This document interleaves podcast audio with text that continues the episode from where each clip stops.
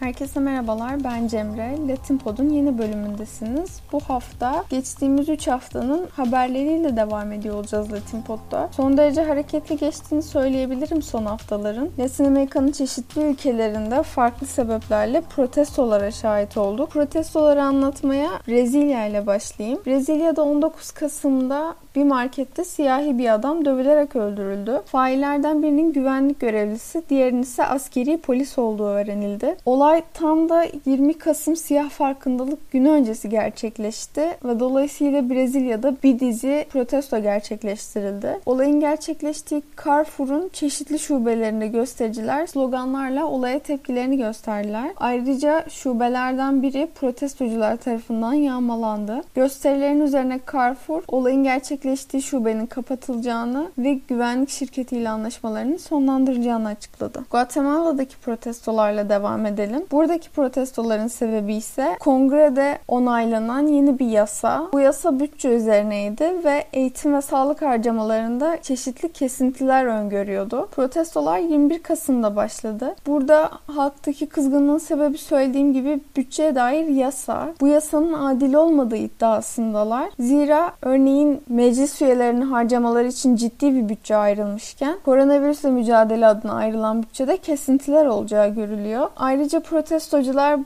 bu bahsettiğim yasa tasarısına dair görüşmelerin gizlice yapıldığını iddia ediyorlar. Şimdi Guatemala halkı zaten yakın zamanda büyük bir doğal afetle savaştı. Bir fırtına gerçekleşti. Bunun yaralarını sarmaya çalışırken, bir yandan virüsle uğraşırken ve aynı zamanda siyasi ortamında gergin olduğu bir zamanda yangından mal kaçırı gibi böyle bir yasa geçirilince elbette tepki de gecikmedi ve gösteriler başladı. Bu gösterilerde dikkat çeken afişler vardı. Yanlış jenerasyona çattılar gibi. Sosyal medya medyada da videoları yayıldı. Kongre binasını ateşe verdi göstericiler. Olayın ardından devlet başkanı Giametti bu suçlara karıştığı kanıtlananların cezalandıracağını açıkladı. Protestocular içinde aslında devlet başkanına tepkili olanların da olduğunu söyleyebiliriz. Çünkü özellikle salgın yönetimini başarılı ilerletemediğini öne sürüyorlar ve bu yönden Cemrettin'in eleştirildiğini söyleyebilirim. Son olarak Peru'daki protestolardan bahsetmek istiyorum biraz. Bu son bir iki hafta son derece hareketliydi Peru halkı için. Daha önceki bölümlerin birinde bahsetmiştim. Peru Devlet Başkanı Vizcarra azil süreciyle karşı karşıyaydı. Kamu fonlarını kötüye kullanmak ve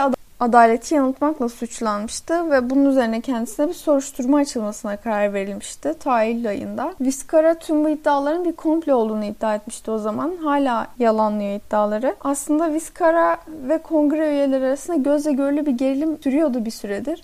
Hatta geçtiğimiz sene Vizcara meclisi feshetmişti. Sonra yeniden meclis üyeleri seçildi. Ancak bu iki organ arasındaki gerginlik yine de sona ermemişti. Geçtiğimiz haftalarda kongre Vizcara'nın görevden alınmasına dair oylamayı gerçekleştirdi.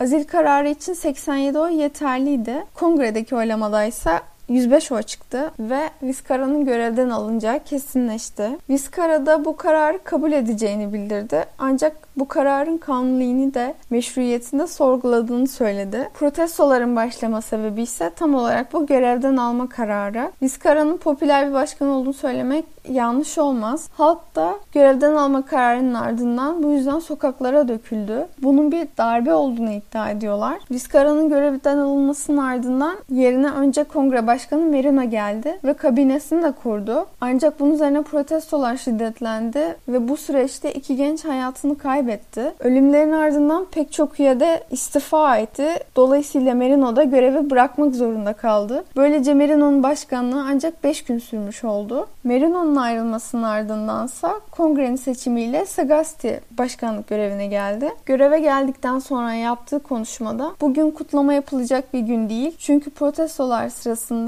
kendi görüşlerini demokratik bir şekilde ve şiddete başvurmadan ifade eden iki gencin ölümüne şahit oldu. Şimdi onları geri getiren değiştiremeyiz ama bunun bir daha yaşanmaması için gerekli önlemleri alabiliriz dedi. Protestolara biraz ara verip son birkaç haftada gerçekleşen diğer önemli gelişmelere bakalım. Özellikle Latin Amerika Amerika'nın yerleri adına sevindirici haberler var. Buna da Bolivya ile başlayalım istiyorum. Türkiye'de de ses getiren bir olay yaşandı ve Bolivya'da Kültürler, Dekolonizasyon ve Depatriarkalizasyon Bakanlığı kuruldu. Yeni bakan ise Sabine Orellana olacak. Kendisi yerli hareketlerinden, kadın hareketlerinden, çiftçi hareketlerinden tanınan bir isim. Bakanlığın amacı ise kadın ve erkekler arası ve halklar arası eşitsizliği tersine çevirmek. Aslında 2009'da Morales tarafından kurulan Kültürler Bakanlığı'nın devamı gibi düşünebiliriz bu bakanlığı. Kültürler Bakanlığı Agnes tarafından kapatılmıştı ki kendisi Morales ülkeyi terk ettikten sonra yerine geçen kişi. Bu kapatma için de ekonomik sebepler göstermişti Agnes. Son seçimleri kazanan Masada'yı Arsi ise bu kuruluşun toplumsal dönüşüm adına önemli vurgu yapmıştı ve şimdi bu bakanlık yeni adıyla tekrar kurulmuş oldu. Yerli halklarla ilgili ikinci güzel haber Ekvador'dan. Bu haberin kökü aslında 2019'a dayanıyor. Yerli Varoni halkının ilk kadın lideri Nemonte Nenkuima doğa kahramanı ödülüne layık görüldü. Bu ödülü almasını sağlayan 2019'da hükümete karşı kazandıkları bir dava. Bu davanın konusunu oluşturan şey hükümetin yerli halkların yaşadığı toprakların bir kısmını petrol şirketlerine satmaya karar vermesiydi. Topraklarını kaybetmek istemedikleri için davacı oldular ve sayeden kazandılar da bu davayı. Böylece hem kendi topraklarını kurtarmış oldular hem de mahkeme kararı bundan sonra